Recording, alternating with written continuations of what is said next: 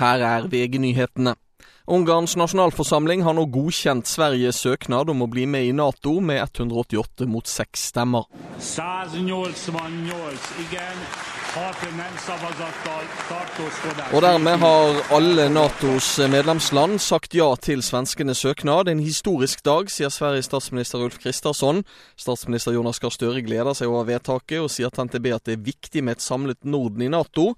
Og Nato-sjef Jens Stoltenberg skriver på X at Sveriges medlemskap gjør oss sterkere og tryggere. I 2023 var det mer enn 5600 tilfeller av vold og trusler mot ansatte i Oslo-skolen. En kraftig økning fra tidligere år, viser Utdanningsetatens årsrapport. 650 av disse regnes som alvorlige hendelser. En mann er pågrepet og siktet for drapsforsøk etter en knivstikking i Storgata i Oslo mandag i forrige uke. Han ble i ettermiddag varetektsfengslet i fire uker, ifølge avisa Oslo.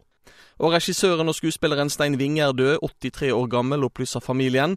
Han har regissert nærmere 200 oppsetninger på teater og opera, og har også hatt flere filmroller.